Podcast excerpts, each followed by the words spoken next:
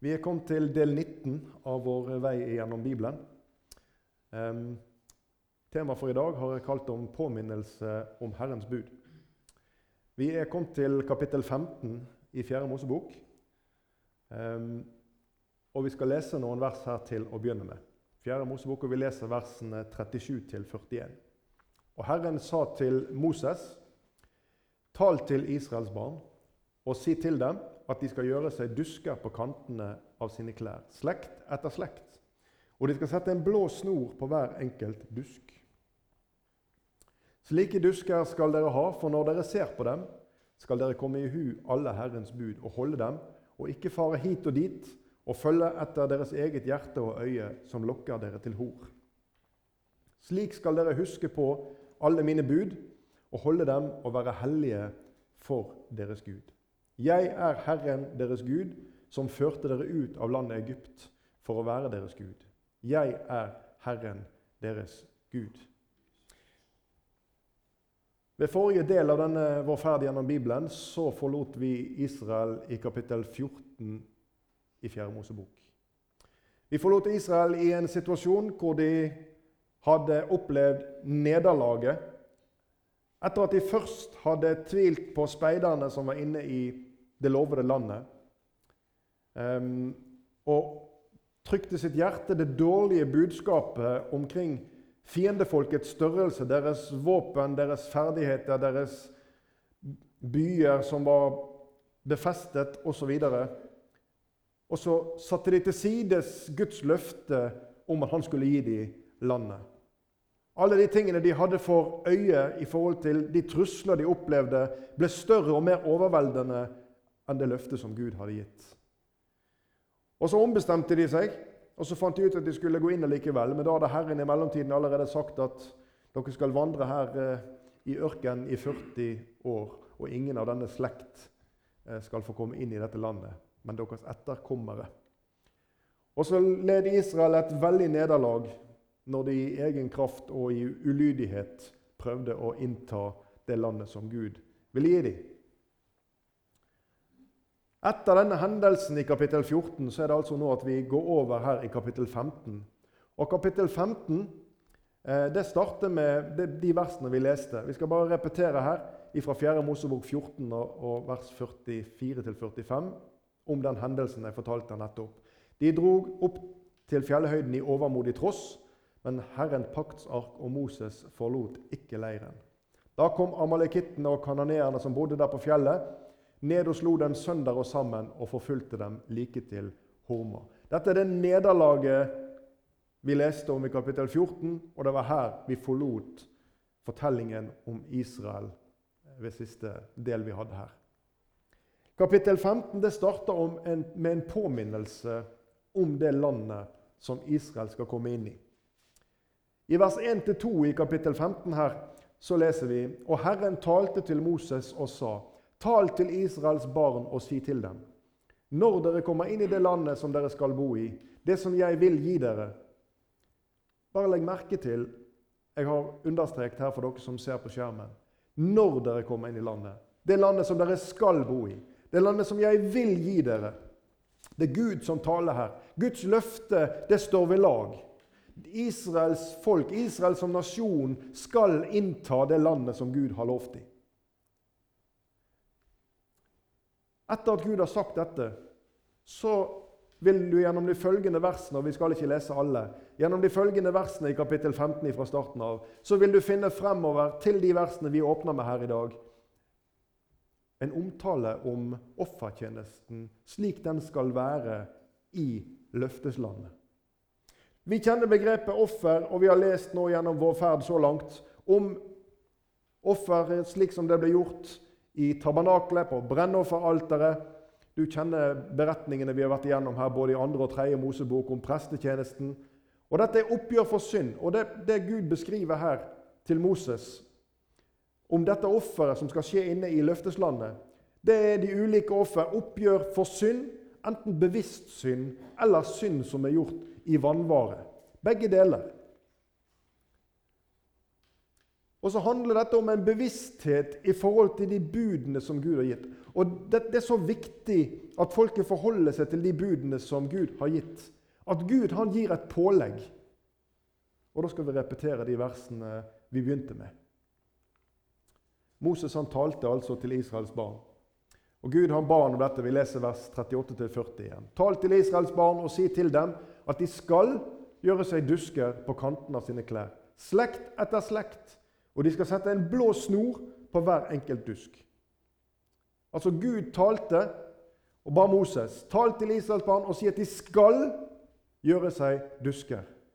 Videre. Slike dusker skal dere ha, for at når dere ser på dem, skal dere komme i hu alle Herrens bud og holde dem, og ikke fare hit og dit og følge etter deres eget hjerte og øye, som lokker dere til hor. Slik skal dere huske på alle mine bud og holde dem og være hellige for deres Gud. Er dette aktuelt for oss? Vi leser jo her om Israel i gammel tid. Vi leser egentlig her om eh, ørkenvandringen, vi, om den gamle slekt etter hendelsen i kapittel 14, og kapittel 15 og helt fram til kapittel 20, som handler om denne slekten som ikke skal få komme inn. Er dette aktuelt for oss i dag? Med disse, denne påminnelsen, disse minneduskene som, eh, som Gud taler om her?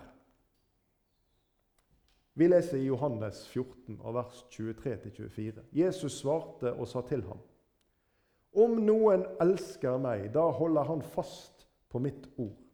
Og min far skal elske ham, og vi skal komme til ham og ta bolig hos ham. Og hør Den som ikke elsker meg, holder ikke fast på mine ord. Det ordet som dere hører, er ikke mitt, men Faderens, han som har sendt meg.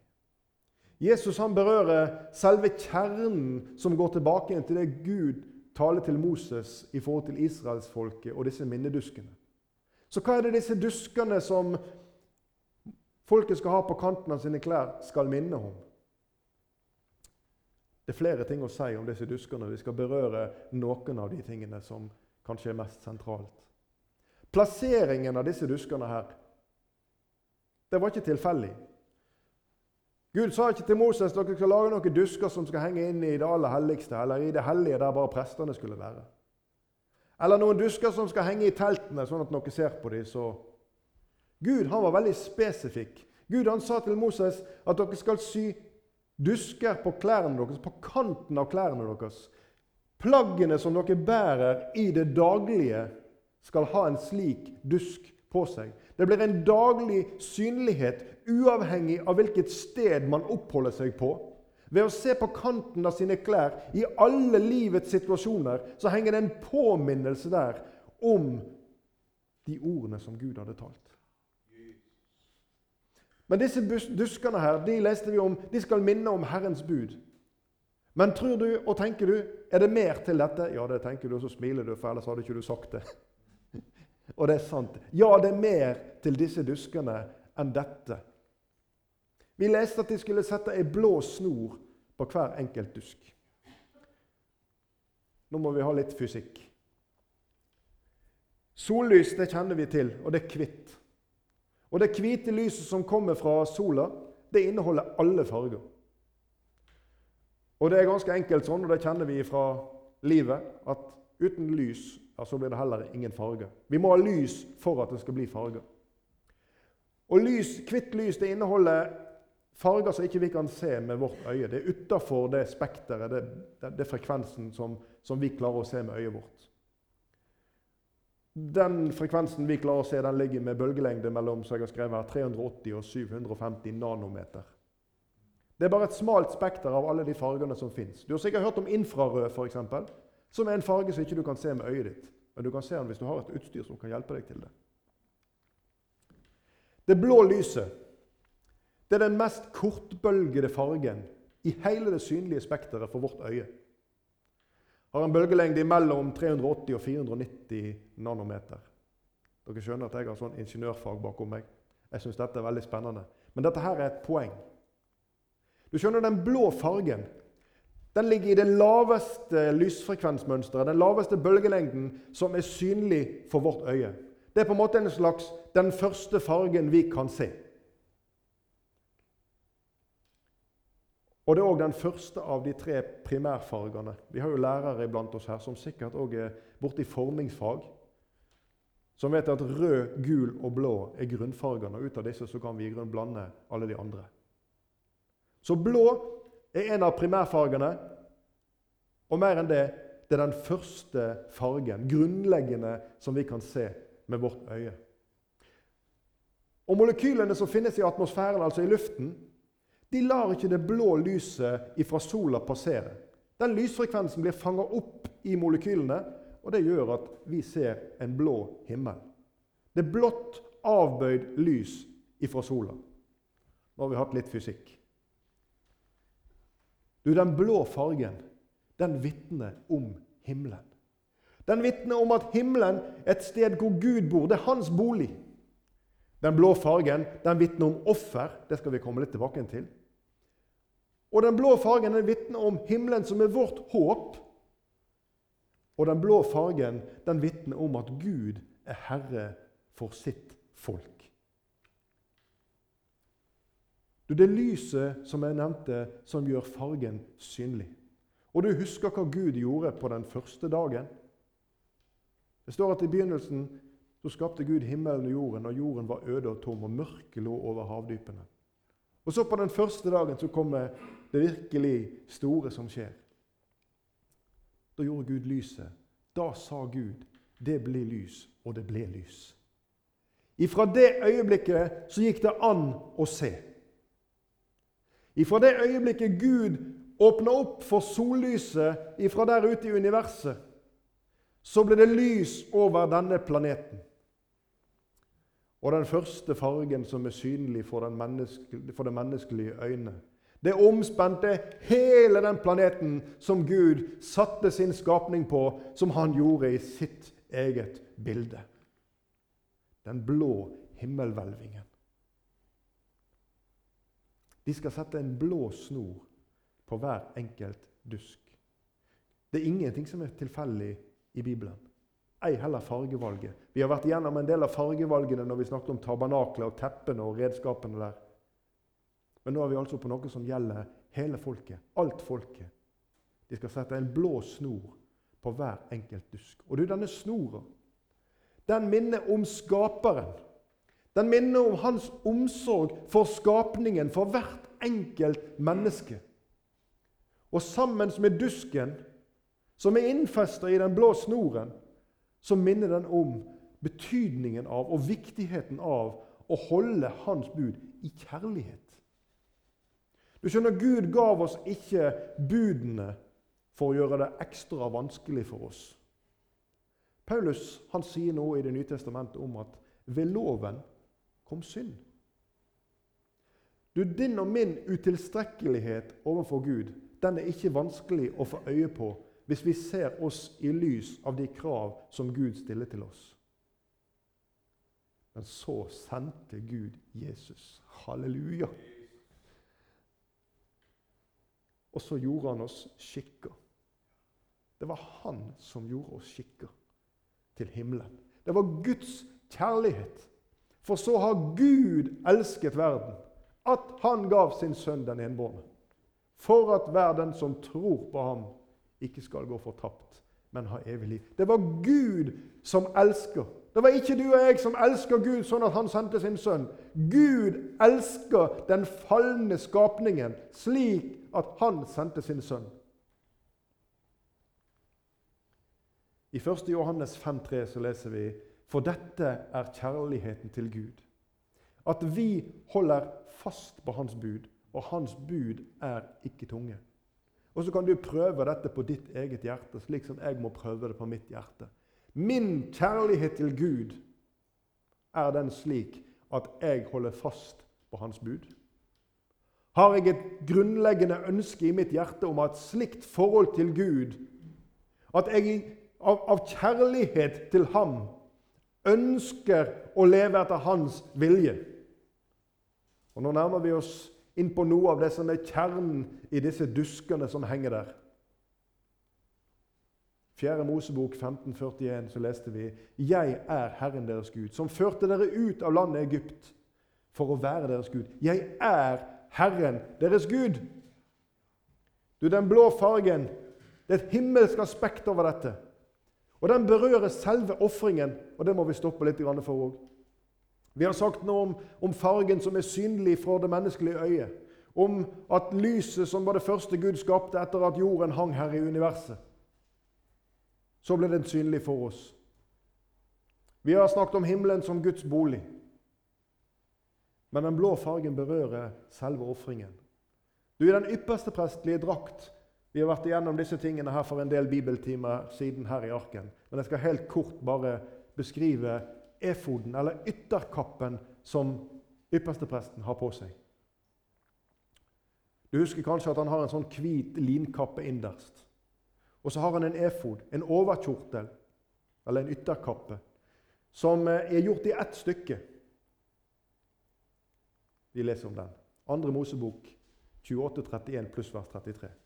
Ytterkappen som hører til efoden, skal du lage helt igjennom av ja, nettopp blå ull. På kanten nederst skal du sette granatepler av blå, purpurrød og karmosinrød ull. Og blant dem skal det være gullbjeller rundt omkring. Hvor henne vil du nå med dette her, Morgan? Dette ble vanskelig. Jeg vil bare understreke for deg at når ypperstepresten går inn i det aller helligste en gang om året for å gjøre soning for all folkets synd, da bærer ypperstepresten denne kledningen som Gud har helt nøyaktig beskrevet. Og iblant de tingene som er i denne kledningen, så finnes det altså en efod, en ytterkappe, som har et hull på midten, og som presten trer ned over hodet, og som dekker hele han. Og på kanten nede på denne så henger det altså noen granatepler som er vevd i blå, purpurrød og karmosinrød ull. Og imellom disse, imellom hvert granateple, så henger det ei gullbjelle.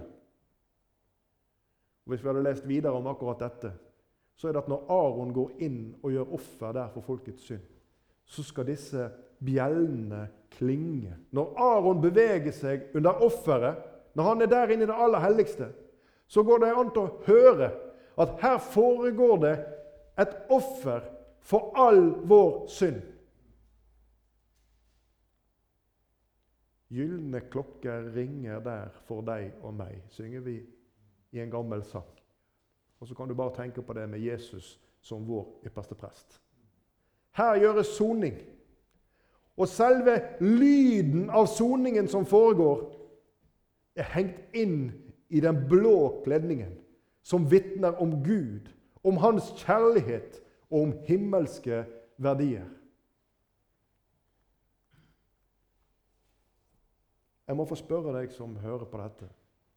Hvordan ønsker du at Jesu tilstedeværelse skal være i ditt liv? Hva rolle skal han ha hos deg? Ikke hos alle de andre, men hos deg, i ditt hjerte. Hvilken rolle skal Jesus ha hos deg? I Salme 119, vers 68 så leser vi Du er god, og du gjør godt. Lær meg dine forskrifter. Den første delen av dette verset her er det veldig mange mennesker som kan si ammen til og synes at det var veldig fint. Du er god, og du gjør godt. Men Gud er mer enn det. Gud er mer enn det at han er god og at han gjør godt. Du skjønner, du og jeg vi har behov for å være i Guds nærhet på en slik måte at vi kan ha samfunn med han. Du skjønner, Gud vil ha samfunn med oss. Dette var hele årsaken til at tabernaklet ble reist i ørkenen. Gud gjorde det fordi han ville bo midt iblant dem, sa Gud. Og Gud ønsker å bo i ditt og mitt hjerte. Gud ønsker ikke bare å være en slik ytre faktor, en som er mektig og som sitter nær sagt og gynger på en rosa sky og som kan hjelpe oss på en regnværsdag. Gud er mer enn det. Lær meg dine forskrifter. Og Den delen er litt verre å bare si ammen til. I Jeremia 29, 13 så leser vi dere skal søke meg, og dere skal finne meg når dere søker meg av hele deres hjerte. Dette verset vitner om en aktiv handling. Den handler om å søke Jesus. Og den handler om å finne når vi søker. Eller som Det nye testamentet beskriver, bank på, så skal det bli latt opp for dere. Jesus ønsker fellesskap med deg. På en slik måte at det ikke bare handler om det ytre. På en slik måte at det berører ditt hjerte. Og han ønsker å minne deg om han er til stede. Du, hvordan kan du få oppnå et kraftfullt kristenliv? Hvis du går inn i en bokhandel eller hvis du søker på nettet, så vil du få opp en lang liste med bøker som er skrevet om dette temaet. Hvordan kan vi få et kraftfullt liv? Gjerne sammen med Jesus, men gjerne også ellers. Og veldig mye av det som det pekes på, det er det indre mennesket. Veldig mye av det som det pekes på, det er hvordan vi skal fokusere på det gode. Det handler om energier osv. Men hør hva Jesus sier i Johannes 4, 14. Du, dette er viktig for deg.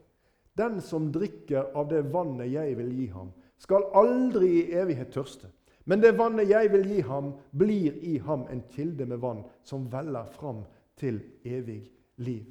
Du, dette er en aktiv handling og drikke av det vannet som jeg vil gi ham.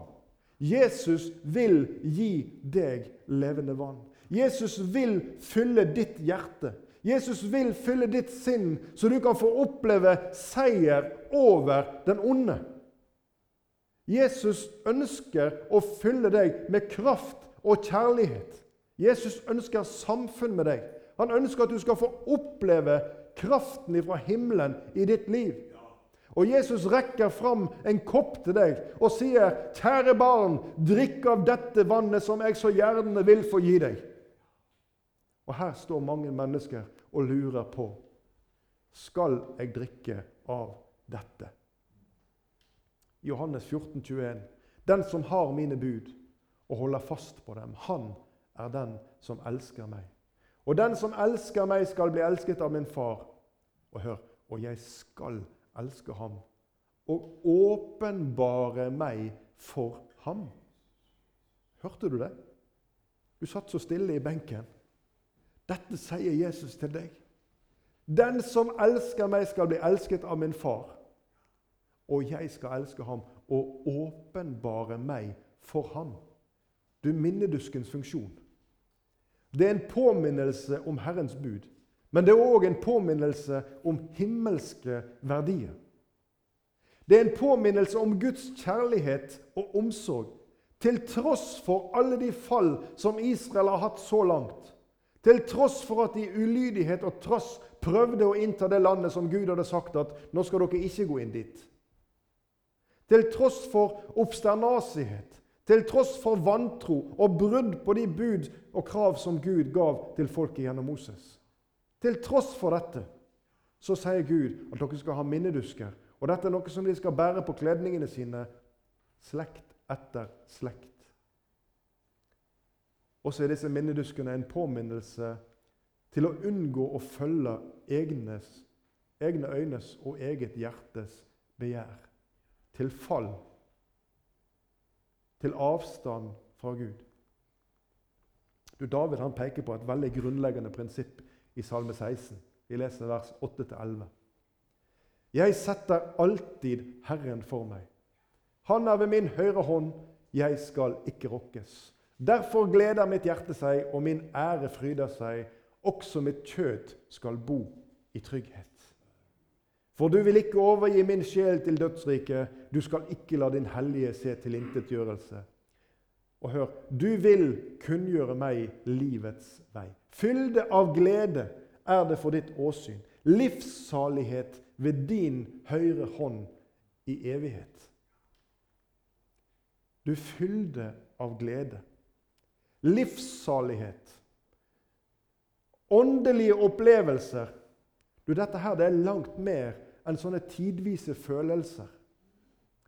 Alt dette det finnes i Guds nærhet. Det er ikke slik at vi trenger å scrolle opp og ned gjennom annonsene i avisen for å se hvor henne det finnes et møte hvor vi tror vi kan få en sånn opplevelse.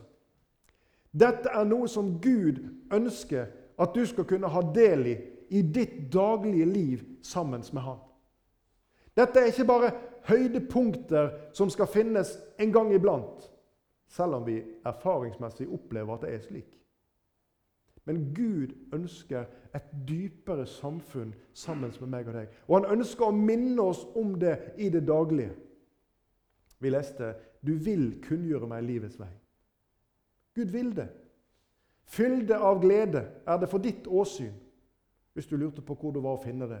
Det er for Herrens åsyn. Livssalighet ved din høyre hånd i evighet. Dette er stedet å gå til hvis du ønsker kraft i kristenlivet. Vi repeterer litt av vers 21 i Johannes 14. Den som har mine bud og holder fast på dem. Hva leste vi skulle skje? Jo, jeg skal åpenbare meg for ham. Jeg vet ikke hvordan det er med deg, men i mitt hjerte så kommer det opp en sånn erkjennelse. Jesus, du må hjelpe meg. Du må hjelpe meg til rett fokus. For fokuset mitt det skifter altfor mye pga. mine egne øyne og pga. mitt eget hjerte.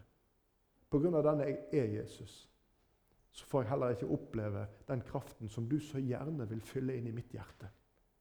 Hjelp meg, Herre. Hjelp meg til fokus. Du, denne minnedusken det er et sånt redskap. Den representerer håp, og den minner om Guds løfter. Ikke bare om Guds bud og krav, men om Guds løfter. Vi har et sånt eksempel i Det nye testamentet. Om denne syke kvinnen som hadde hatt blødninger i tolv år, leser vi. Og så nærmer hun seg Jesus i folkemengden. Og så sier hun i sitt hjerte om jeg bare kan få røre ved kledningen hans. Vi leser Matteus 9,20. Og se en kvinne som hadde lidd av blødninger i tolv år, kom bakfra og rørte ved minnedusken på kappen hans. Det var minnedusken på kappen hans. Denne kvinnen hun kjente Skriften. Denne kvinnen visste om at denne minnedusken den representerer noe. Om jeg bare kan få lov til å røre ved den. Og du kjenner beretningen om hvordan det gikk. Jesus han stansa opp og sa at han kjente at det gikk en kraft ut fra ham. Hvorfor det? Jo, det gikk en kraft ut fra Jesus fordi at denne kvinnen søkte aktivt. Og hva sa Skriften om den som søker han? Jo, han skal finne han. Den som søker Jesus, slik som denne kvinnen gjorde. Som strekker ut sin hånd for å røre ved minnedusken på hans kappe. Dette symbolet om det himmelske, om hans bud, men også om hans kjærlighet, skal få oppleve nettopp det som denne kvinnen fikk oppleve. Det handler om et hjerte som søker om å få kontakt med Jesus. Og så gikk det en kraft ut fra ham.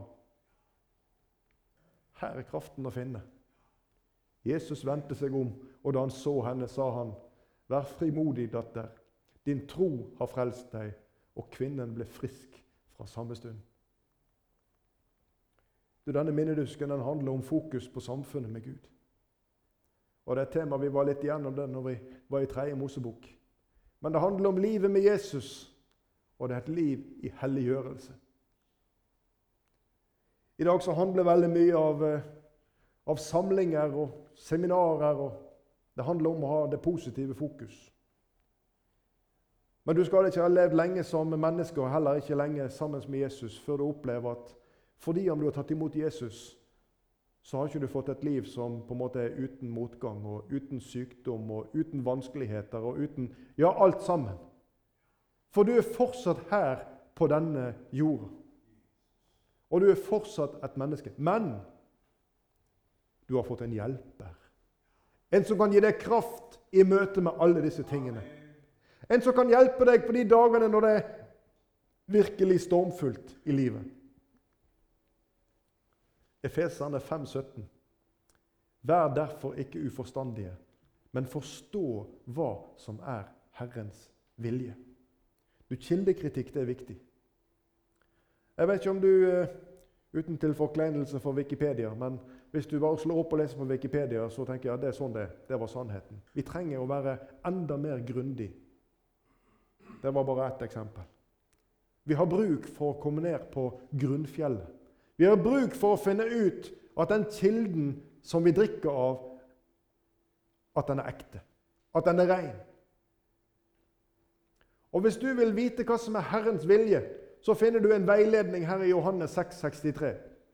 Det er Ånden som gjør levende, og kjødet gagner ikke noe. Så hvis du leter etter disse tingene i ditt eget hjerte, eller i andre menneskers hjerte, i det som andre mennesker har skrevet eller sagt, altså er det feil sted. Og Jesus han sier videre, 'De ordene jeg har talt til dere, er ånd og er liv.' Romerne 12,2.: Og skikk dere ikke lik denne verden, men bli forvandlet.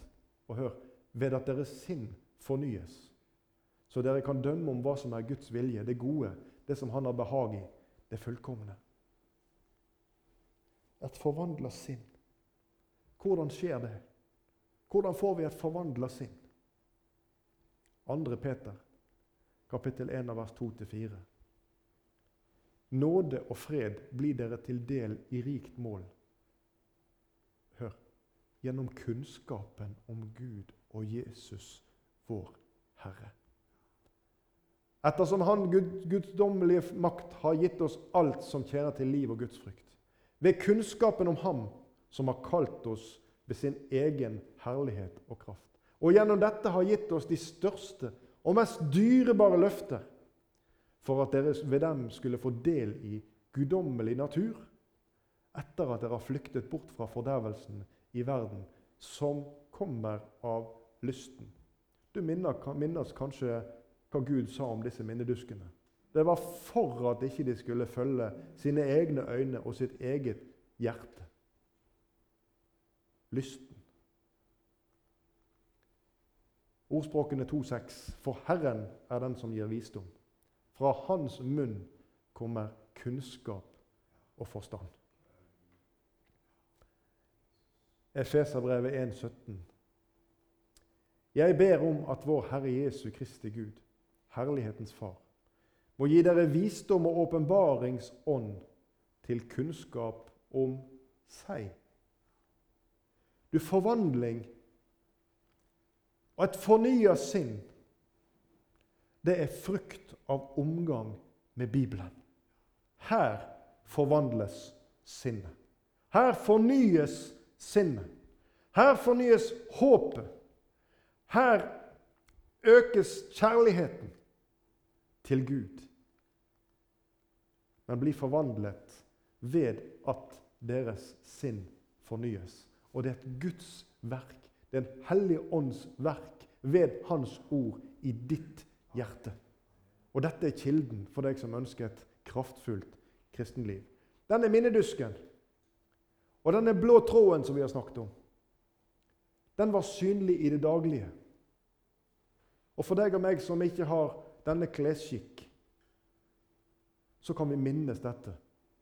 Når du ser opp mot himmelen og ser den blå fargen, så skal du minnes dette, at Gud er til stede. Du trenger daglig samfunn med Jesus, ikke bare en gang iblant. Du trenger omgang med Bibelen i det daglige. For Gud vil forvandle ditt sinn. Gud rekker fram koppen ved Jesus Kristus og sier 'drikk av dette vannet som jeg vil gi', og jeg vil fylle ditt hjerte. I møte med Bibelen så møter synd og nederlag nåde. Og her er en kilde til stadig fornyelse og til ny kraft for den som kjenner seg svak og kraftesløs. Du som hører på dette, kanskje du har det helt fantastisk i ditt liv med Jesus, og velsigne deg hvis du har det sånn. Men kanskje du som hører dette, leter etter et sånt dypt, et sånt ekte forhold til Jesus. Et sånt forhold til Jesus som vi har hørt om her, hvor han taler til deg hvor du kan få kjenne kraften fra himmelen i ditt hjerte. Da må vi lese noen vers her fra ordspråkene. Ordspråkene 24. Min sønn, akt på mine ord, og bøy ditt øre til min tale. La dem ikke vike fra dine øyne. Bevar dem dypt i ditt hjerte. For de har liv for hver den som finner dem, og legedom for hele hans legeme. Disse ordene i dag er en påminnelse om kraftens kilde. Like som Israel fikk påbudet ifra Gud, for det var et påbud om å henge disse duskene, også denne blå fargen, så er det viktig for deg å ha daglige, den daglige påminnelsen og omgangen med Jesus. For Jesus han vil utrette fantastiske ting i ditt liv. Bare sitere et refreng og et vers som eh, Barrat skrev i sin tid. Så drikk igjen min sjel, dess større kraft du får.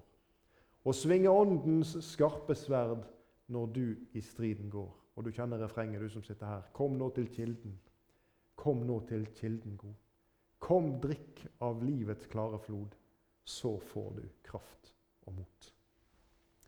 Herre Jesus, må du hjelpe oss og minne oss i det daglige, Herre, om alle disse tingene vi nå har vært igjennom og snakket om. Om din kjærlighet, Herre. Om din nåde, Herre. Men også om dine bud, Herre.